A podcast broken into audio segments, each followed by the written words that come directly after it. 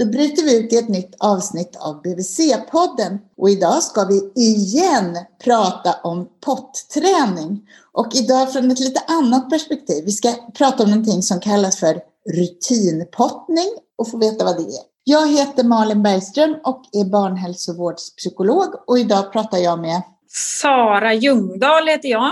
Jag är distriktsläkare, det vill säga jag är specialist i allmänmedicin. Jobbar idag på en vårdcentral, Närhälsan Ängabo, vårdcentral i Allingsås, där jag jobbar som läkare och eh, bland annat på BVC som BVC-läkare. Privat eh, så har jag två barn, två söner som nu är tre år och eh, snart ett och ett halvt år. Och jag har babypottat båda två sedan BB. Så jag har gjort en egen resa med babypottning. Du, och du och jag fick ju kontakt på ett ganska roligt sätt Sara, för du skrev ett mejl och klagade på mig. Ja, så var det faktiskt. Jag läser ju tidningen Vi föräldrar och såg ett svar angående potträning av en treåring tror jag. Eh, jag, både som privatperson och som BVC-läkare, tycker att det här med babypottning är för dåligt känt. Och att föräldrar idag får inte den informationen, varken på BB eller BVC, Eh, i så stor grad som jag skulle önska om att den här möjligheten finns, att man kan potta bebisar från födseln. Och därmed så slipper man då ha blöjbarn upp i treårsåldern och längre som idag är faktiskt är eh, mer än vanligt. Och det var väl också så att du tyckte, dels tyckte du att jag hade svarat alldeles för lamt till den föräldern till en treåring som hade problem med det här. Men sen tyckte du också att vi skulle sprida kunskap om hur man faktiskt förebygger den där typen av, om man ska säga att det blir en maktkamp eller att det låser sig för barnet eller så. Ja, absolut. För idag är ju blöjorna så bra, om man säger så. Och föräldrar är oftast eh, yrkesverksamma här i västvärlden och vi har barn på förskola från väldigt tidig ålder. Eh, och att använda blöjor i tid och otid blir enkelt inom situationstecken, eller många tror att det är enkelt och kanske att det är den enda möjliga vägen. Det är klart bebisar ska ha blöjor och Eh, sen har man inte riktigt någon plan och helt plötsligt så är barnet eh, tre år och just det, hur skulle vi göra nu då med blöjan? Inte bara ibland är barnen tre år utan medelåldern att sluta med blöja är väl tre och ett halvt sa det. Ja, och det tycker jag är ju nästan skrämmande. Dels utifrån barnet eftersom de, det är ju vårt ansvar att vi ska lära dem hur man ska kissa och bajsa och att, att en treåring inte vågar ta av sig blöjan för att de är så vana att känna bajs mot hela rumpan. Och dessutom alla problem med förstoppningar och allt som blir eh, för att barn eh, inte har rätt position när de kissar och bajsar. Människan, precis som andra djur, är ju tänkt att sitta i en sån här ryggkupande form med lite upphöjda ben. Det behöver man ju inte om man har blöja på sig. Då kan man ju ligga och bajsa i alla möjliga ställningar och det blir inte optimalt. Du, hur kom du in på det här själv då? För att jag håller verkligen med dig om att det här inte är känt. Och om man som jag inte har hållit på med det själv så känns det liksom inte naturligt. Även om jag kan liksom fatta med huvudet när ni beskriver att ja, men det här låter väl bra. Så jag vet inte, det är verkligen inte en kultur som man är van vid. Hur kom du in på det? Jag kommer inte ihåg exakt, men jag läste någon artikel av Ulrika Kasselbrand som har skrivit eh, boken Bebis på pottan det var flera år innan jag fick mitt barn, mitt första barn. Och då bestämde jag mig att det här, det här låter ju, det här vill jag göra. Och så, jag har nog gett bort fem sådana böcker till min syster och min kompis och alla som fick barn innan mig. Men det är egentligen ingen som har nappat på det. Eh, så att jag hade bestämt mig redan innan jag fick barn att det här låter som något jag vill göra. Och jag fick reda på det av en slump att jag kom över en artikel och sen läste jag boken som jag säkert har läst också tre gånger eller så. Vad var det som, som gjorde att du nappade på det? Då? Vad var det som slog an något hos dig? Ja, men just att det var möjligt. Det är ju det. Jag visste, precis som du eller många andra, vet, vet inte att det var möjligt. Men när jag, när jag insåg att ja, men det, här, det här går ju. Det här är ju ett sätt att kommunicera min bebis, eh, med min bebis precis som jag gör när den är hungrig eller när den är trött eller eh, när den vill ha närhet. Vi svarar ju på alla andra behov. Varför ska vi stänga av ett behov och sätta på en blöja och inte svara på det behovet? Det här med EC, det kallas för eliminationskontroll på svenska, elimination control. Eller kommunikation snarare, elimination communication. Alltså Ah, elimina okej. ja, eh, eliminationskommunikation, alltså du kommunicerar eh, kiss och bajs helt enkelt. Babypottning är, är det svenska enkla ordet. Då har jag förstått när jag har liksom fördjupat mig en aning i detta, att då är det egentligen något annat än det som du har praktiserat och blivit förtjust i, som du kallar för rutinpottning. Nej, egentligen inte något annat. Man kan bara lägga sig på lite olika nivåer. Det som är just att läsa signaler, då kräver det ju att du har bebisen blöjfri ganska mycket och ser vad händer när din bebis kissar eller bajsar.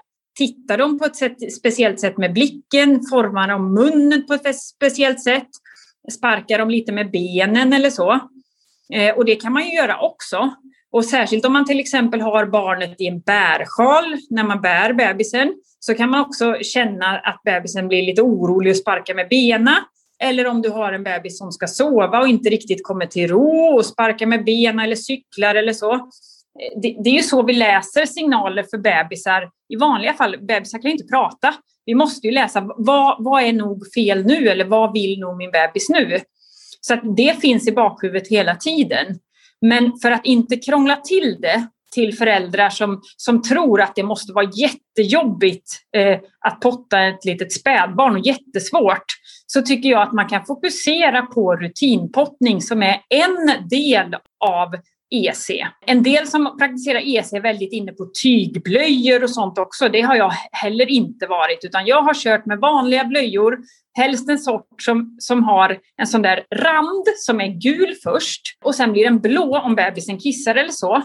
Just för att jag har haft blöjor som backup, alltså mina barn har haft blöjor och så ser jag precis, oj nu blev blöjan blå. Jag har haft dem i bara blöja och inga kläder inomhus i väldigt länge. Och det funkar, tycker jag, eh, väldigt bra, bra också. Men vad gör du då när, när blöjan blir blå eller när du ser att den fäktar med, med benen eller får, alltså när du, du tycker att ungen kommunicerar att nu kommer det någonting här? Om jag väntar lite med den frågan så kan Ja. jag snarare berätta vad jag menar med rutinpottning. För vi måste Ja. liksom börja från noll, tänker jag. Ja. Eh, rutinpottning för mig, eh, eller allmänt rutinpottning, innebär alltså att potta Eh, en bebis. När de är mycket små betyder det hålla i en grodposition med bebisen med ryggen mot, mot ditt bröst. Och så håller du i varsitt ben så att det blir som en liten groda och du får ju stabilisera huvudet mot ditt eget bröst. Det finns bra bilder på, på det i den boken som jag nämnde tidigare. När de är lite större och stabilare i sitt huvud och sitt sittande så kan man börja hålla dem antingen på en potta eller på en sån här toalettring som går att köpa eh, på många ställen. eh, Som man kan sätta på, på toan så, att, så det blir ett mindre hål i toaletten helt enkelt. Det är vad, vad jag kallar pottning. Det gör man då exempelvis varje gång som bebisen vaknar efter att ha sovit. När det är ett litet, litet spädbarn så sover den ju många gånger per dygn och då blir det många uppvaknanden och många tillfällen att hålla den i grovposition eller i, i, över toalett för att se, kommer det kiss eller kommer det bajs? För ett litet spädbarn så är det också viktigt efter varje amning eller om man nu ger ersättning efter varje måltid helt enkelt. För då är det ju vanligt att små spädbarn bajsar. Eller under, de kan ju till och med bajsa medan man ammar. Och då kan man ju få stå med bebisen och amma över en, eh, över en blöja eller över en potta eller något sånt. Men man lär sig och de här tillfällena för bajs och kiss blir ju glesare ju äldre barnet blir. Så i början kan det bli väldigt ofta efter varje måltid, amning, efter varje uppvaknande, efter varje gång där du kanske har varit utomhus eller haft barnet i bärsjal och tar ner den från bärsjalen eller upp från vagnen. Alltså alla gånger där man bryter aktivitet, så kan man tänka. Bryter aktivitet efter måltid, efter sömn. Där har du liksom, och beroende på hur din vardag ser ut, så blir det ju olika många aktivitetsbrytningar. Alltså, eller hur många gånger du går ut på en dag eller så. Och där ska du alltså rutinmässigt vänja ungen vid att jag tar av blöjan och håller dem i den här grodpositionen över någonting så att de får kissa eller bajsa. Precis, och i början så kan det ju bli kanske flera gånger som det inte kommer något, men också med hög sannolikhet att det kommer något.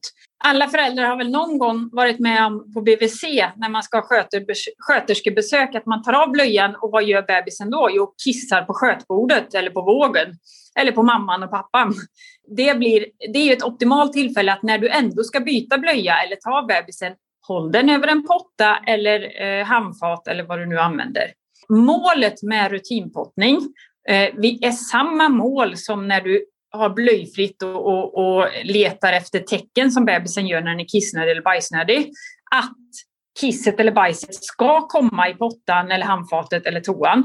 För att du då ska kunna sätta ett ljud på det eller berätta för bebisen att nu kissar du.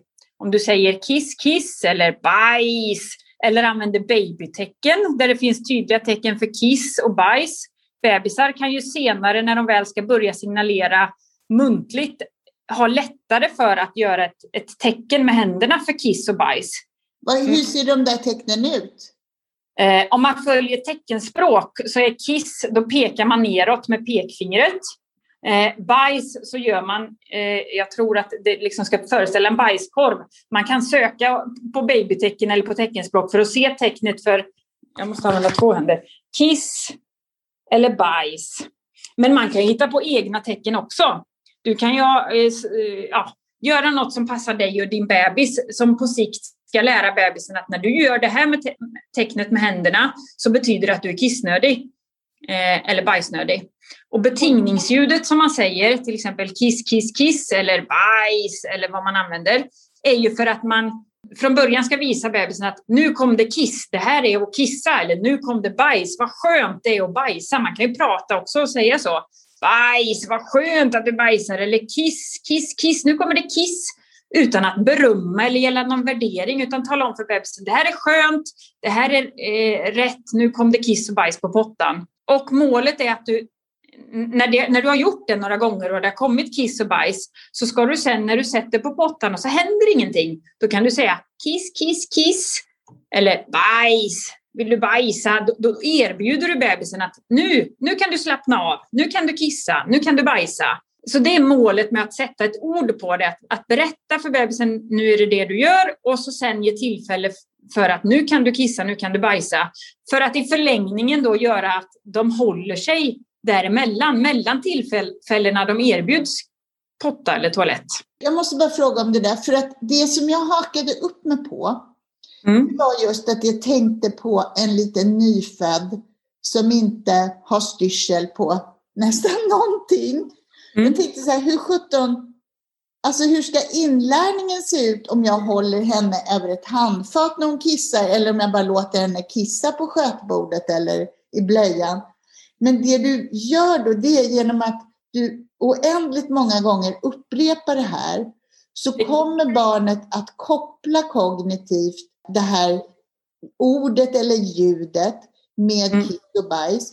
Och de kommer få in en rutin där de håller sig och släpper ut genom att slappna av när man säger det där ljudet och när de håller sig då i den här optimala positionen för att kissa eller bajsa. Precis, eh, eh, själva ljudet eller tecknet är inte det, det enda viktiga utan just att de är i samma position eh, gör ju att kroppen också kommer ihåg det. Och jag menar en bebis kommer ju kissa och bajsa kanske emellan också i början, särskilt i början som sagt när de kissar och bajsar väldigt många gånger per dygn. Men använder du dina det är det jag vill säga, att använder du dina rutinpottningar så kommer det bli fler och fler tillfällen som inom, inom situationstecken lyckas. Det är ju ingen prestation i det utan bara eh, att det blir som man har tänkt helt enkelt. Och har du då antingen bebisen blöjfri eller som jag pratade om en sån där blöja som talar om när den har kissat. Då lär du dig, det är det som är det viktiga, du lär dig när din bebis blir kissnödig eller när din bebis bajsar. För, för har du en blöja som du, med kläder på barnet och sen bara du kommer på att oj, nu luktar det bajs eller oj, nu behöver jag nog kolla blöjan. Då har du ju ingen koll på i vilka situationer eller när blir just din bebis kissnödig och bajsnödig. En del bebisar bajsar liksom en gång var femte, var tionde dag till och med och en del bebisar bajsar tio gånger om dagen. Du måste lära känna din bebis. Och, så att det här är dels att jag vänjer en liten bebis vid en position, ett ljud och också det här att det blir lite kallt kring rumpan som när man tar av blöjan. Men också att jag som förälder lär mig mitt barns mönster och mitt barns signaler och då anpassar jag de här rutinerna efter hur jag lär känna mitt barn och så. Precis. Och jag har på något sätt ansvaret för det istället för att jag som vid vanlig potträning ska börja liksom känna av när barnet är moget så är det här en konkret inlärningsprocess där jag tar ansvar för det här som förälder och försöker skapa en rutin som ska underlätta för min unge att lyckas med det här. Ja, och absolut. Och det är ju vi som har skapat det här med blöjor. Jag menar, eh, eh, djur och människor i andra delar av världen, de har ju inte det. Så, så egentligen så är det ju något som finns hos oss i grunden. Eh, så det blir bara positivt för bebisen och barnet att, att eh, de lär sig att ja, men det här kisset och bajset ska hamna. Det är det som är meningen. Istället för så som vi gör nu, att vi lär barnen att inte bry sig om när den blir kissnödig eller bajsnödig, för vi bryr oss inte. För kisset och bajset hamnar ju i någonting som sen försvinner med jämna mellanrum. Och de lär sig att ja, så här känns det att ha bajs i hela rumpan och, och kisset, det känner jag inte av när jag kissar eller inte, för att det tar blöjorna bara whips så försvinner det. Så, så, så vi, det är snarare att vi utnyttjar så som är tänkt från början från naturen. Mm. Alltså jag tycker det här låter superbra, men hur, hur jobbigt är det för en som är förälder? För att alla bonör att man gör här i andra delar av världen eller historiskt, men mm. vi har väl någon slags renlighetsnoja. Det är kallt i Sverige, unga mm. har massa kläder på sig. Jag vill ta hand om några andra barn eller göra tusen andra saker. Alltså hur, mycket, hur jobbigt är det? Jag kan berätta lite från mina personliga erfarenheter för att ge också perspektiv på vad kan man göra när man har ett barn och vad händer när man har två små barn. Det, jag, jag, skulle först av allt vilja säga att hur jobbigt är det med bajs i hela barnets rumpa upp till ryggen som händer eh, många barn många gånger och hur, hur, hur, hur påfrestande är det för huden att ha bajs liggande. Jag tycker bara att det är en seger bara det, att slippa bajsblöjor. Eh, jag har inte haft bajsblöjor på mina barn sedan de var ja, men, två månader. De har inte bajsat i blöjorna sedan dess. Och det är ju en seger, liksom seger för mig för att slippa torka bajs överallt. Jag behöver bara torka lilla rumpan precis som man gör på alla människor. Liksom. Så bara det är att det är inte jobbigt, snarare tvärtom. Det är jobbigt att torka bajs från blöjor, tycker jag. Sen när man har ett barn, eh, då har man ju oftast möjlighet som föräldraledig att ha väldigt mycket fokus på det barnet utan att det är annat som stör. Eh, så där kan du i lugn och ro bestämma dig för vilka rutiner jag har. Jag till exempel nattpottade mitt första barn. Det vill säga varje gång han var orolig på natten eller ville amma så tog jag upp honom, gick ut och höll honom för handfatet så han fick kissa, gick tillbaka, ammade eh, och så somnade han. Eller tvärtom, ammade först, gick upp, kissade, gick tillbaka och så fick han somna. Och det hände ju flera gånger per natt. Och det tyckte jag då inte var några problem. Jag skulle ju ändå vakna till och amma. Han blev liksom torr på natten väldigt tidigt, men med då att jag pottade honom på natten.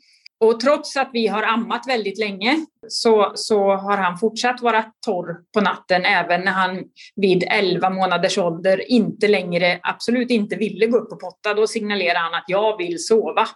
Så jag fortsatte att amma honom på natten men slutade potta på natten och han var fortfarande torr. För den viktigaste rutinen där, som jag kommit fram till nu med mitt andra barn, det är den här morgonrutinpottningen. Alltså att det första man gör när barnet vaknar på morgonen, det är att kissa.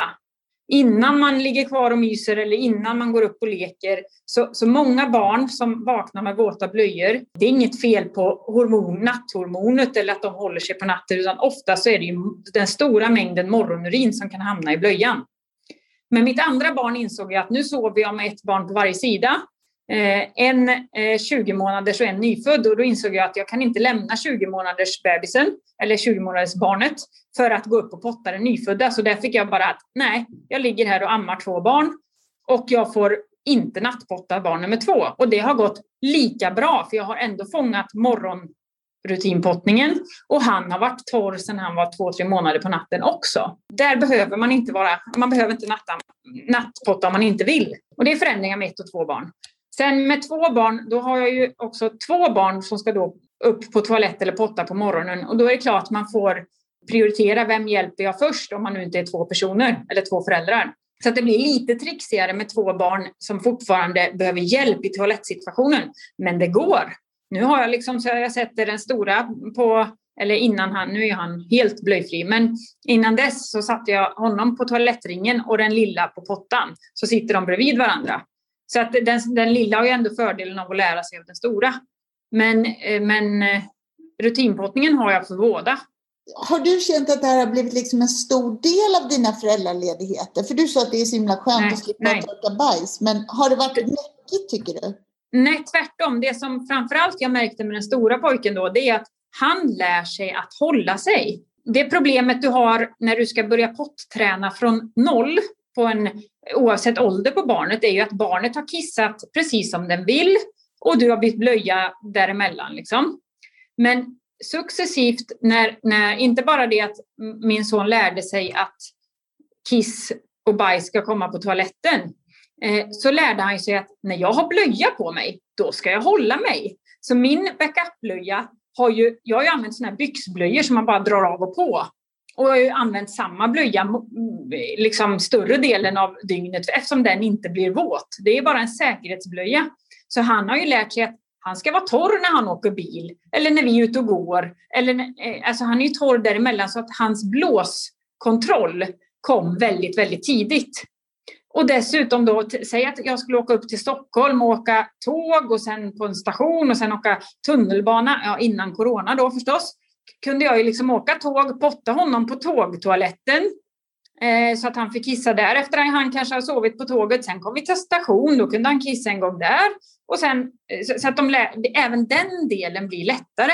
Det blir ju så, så, som vi själva gör. Det är inte krångligt. Vi måste ju också gå på toaletten med jämna mellanrum. Det är inte krångligare eh, än så. Sen är det klart, har du flera lager med kläder det är klart det är jobbigare. Det är lättare på sommaren om du bara ska dra av en blöja och ett par shorts än vad det är att dra av en overall och två underställ. Men, Men alltså, det som jag inte hade snappat, mm. det var just den aspekten av att även en bebis lär mm. sig att hålla sig emellan. Ja. Alltså det hade inte jag förstått och jag hade inte riktigt hajat att det, att det blir en konsekvens av att man börjar så här tidigt. Nej. Det var ju intressant. Och när det, när det gäller det så har du haft tur eller när du som BVC-doktor rekommenderar det här till andra, är det här liksom generella erfarenheter att ungar faktiskt lär sig att hålla sig så där tidigt? Eh, jag kan svara på den frågan strax också, mm, erfarenhet som BVC, men jag kan bara säga till son nummer två, Alltså, det som är viktigt när man babypottar är ju vart lägger du ribban? Och många kanske upplever så här, ja men det är, en, det är ett prestationskrav, nu måste du kissa och det blir liksom psykiskt påfrestande om det blir olyckor eller sådär. Och det, det eh, tänker jag är viktigt för föräldrar att ta det lugnt, lägg det på den nivån som passar din vardag. Och, och se det bara som att, bara att du gör det oavsett om du rutinportar Eh, bara för bajs. Till exempel, du vet att mm, barnet bajsar på frukost och efter middag eller så, så, så är det ändå en vinning. Eller om du rutinpottar liksom regelbundet så som jag berättade. Så det, man ska se det som en vinning och en möjlighet och att det gynnar er båda. Sen har jag själv som personlig erfarenhet erfarit att första barnet pottade jag också mitt i vintern när vi var utomhus, tog av Eh, barnet liksom, så att han skulle kissa ute. Det har jag inte gjort på barn nummer två. För man blir också lugnare med att varje pottning är inte så extremt viktig. Jag kan låta barnet kissa i blöjan om jag nu håller på med något annat. Så att jag har blivit lugnare till barn nummer två och det har gått precis lika bra. Eh, så han har lärt sig ändå, trots att han är nummer två då. Och, eh, ja. Så att man blir, av sin egen erfarenhet så blir man också visare. Eller vad man säger. Men sen utifrån min BVC-läkarroll så är ju tyvärr då min erfarenhet hittills är att föräldrar i största grad inte har kännedom om det.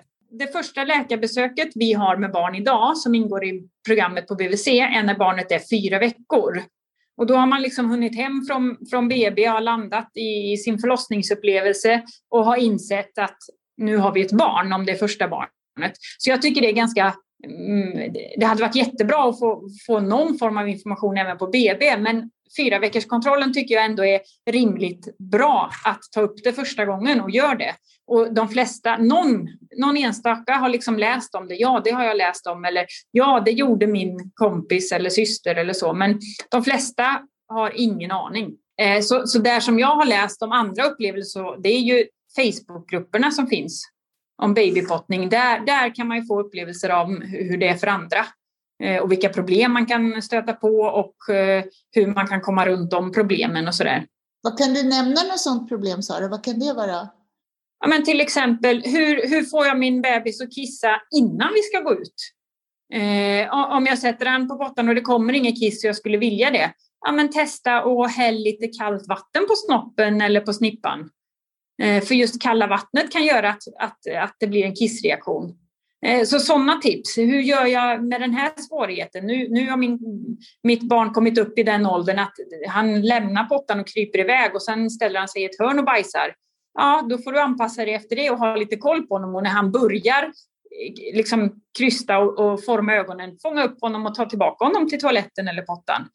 Eller att just det att en toalettring har sina fördelar för att barnet kanske inte kan krypa därifrån, utan du kan sitta framför med en bra bok eller lite leksaker. Eller, så, att, så att man tipsar varandra och, och såklart olika människor har olika problem eller olika lösningar på problem. Du, hur reagerar folk när du berättar om det här på BVC? Blir folk sugna och intresserade? Ja, jag brukar ju, eh, ofta så går man ju igenom många saker på BVC och som vanligt när man har varit på en vårdkontakt så kommer man kanske ihåg hälften. Vad var det nu läkaren sa eller vad var det nu? Ehm, så jag, jag har fuskat och skrivit ut en väldigt bra informationsmaterial som finns på Blöjfri bebis som är Ulrika Fasselbrand som har skrivit den. Och där står det precis det eh, viktiga plus länkar till Facebookgrupp och eh, information om, om boken man kan läsa. Så jag brukar liksom ge informationen och ge pappret. Sen är det såklart upp till föräldrarna själva. I, I vårt program så står det att vi ska ta upp det här med pottning vid sex månaders besöket.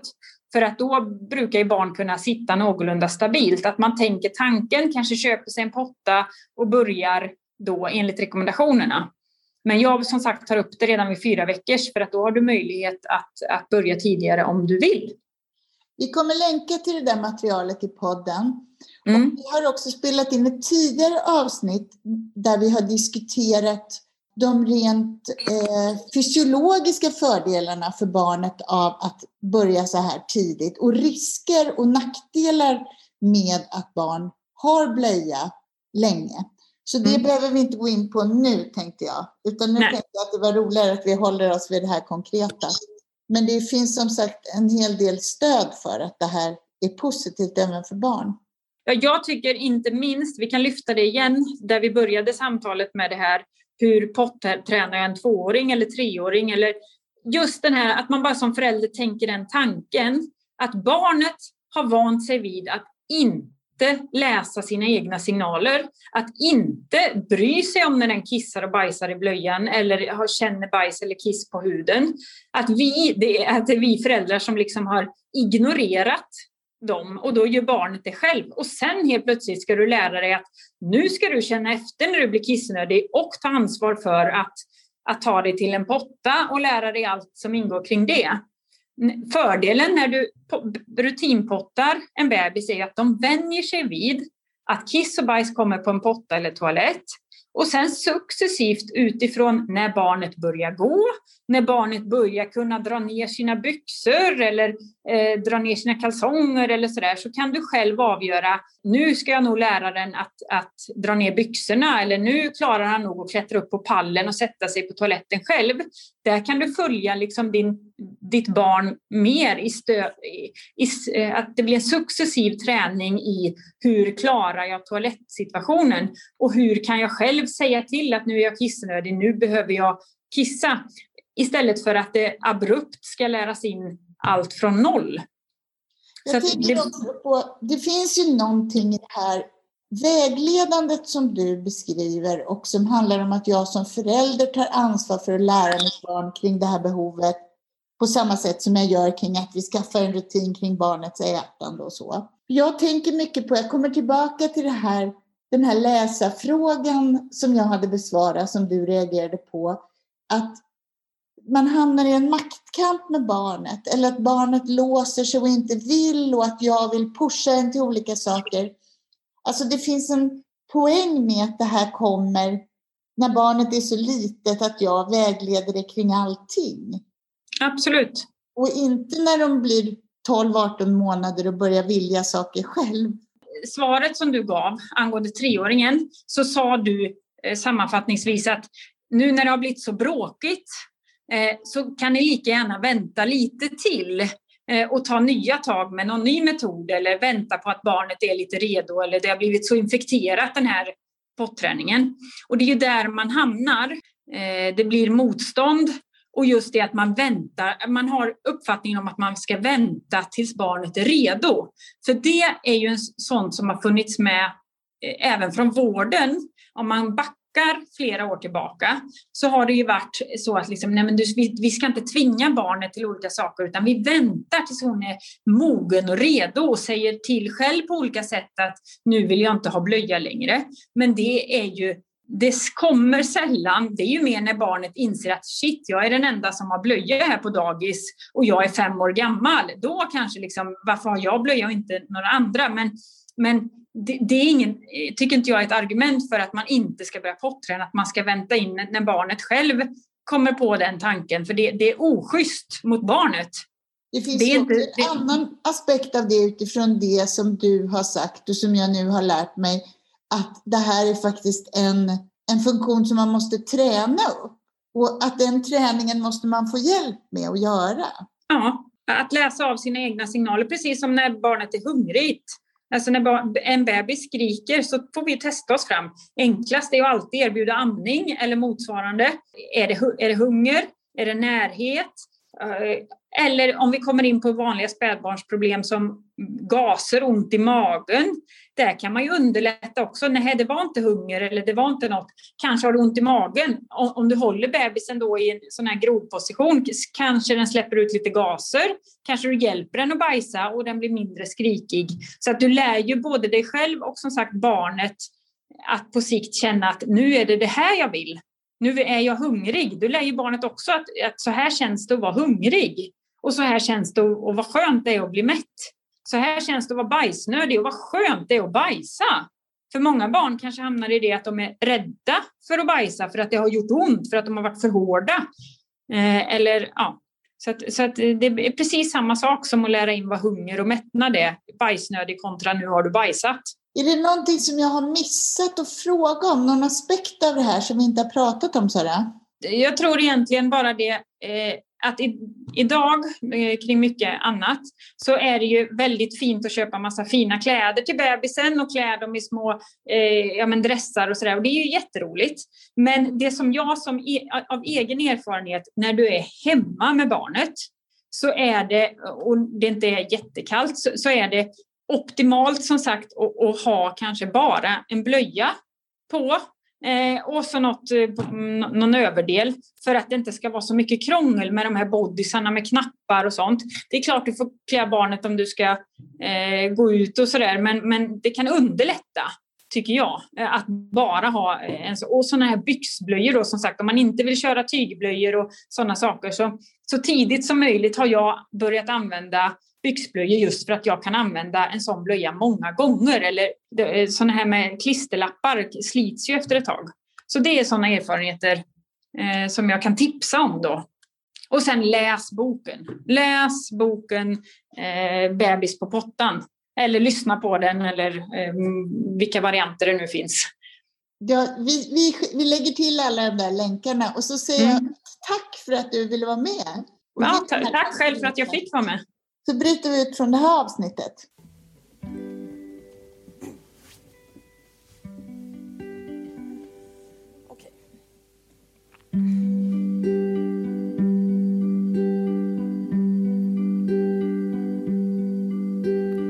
Födde barn till Björn Olsson. Solen bröt fram precis när mitt barn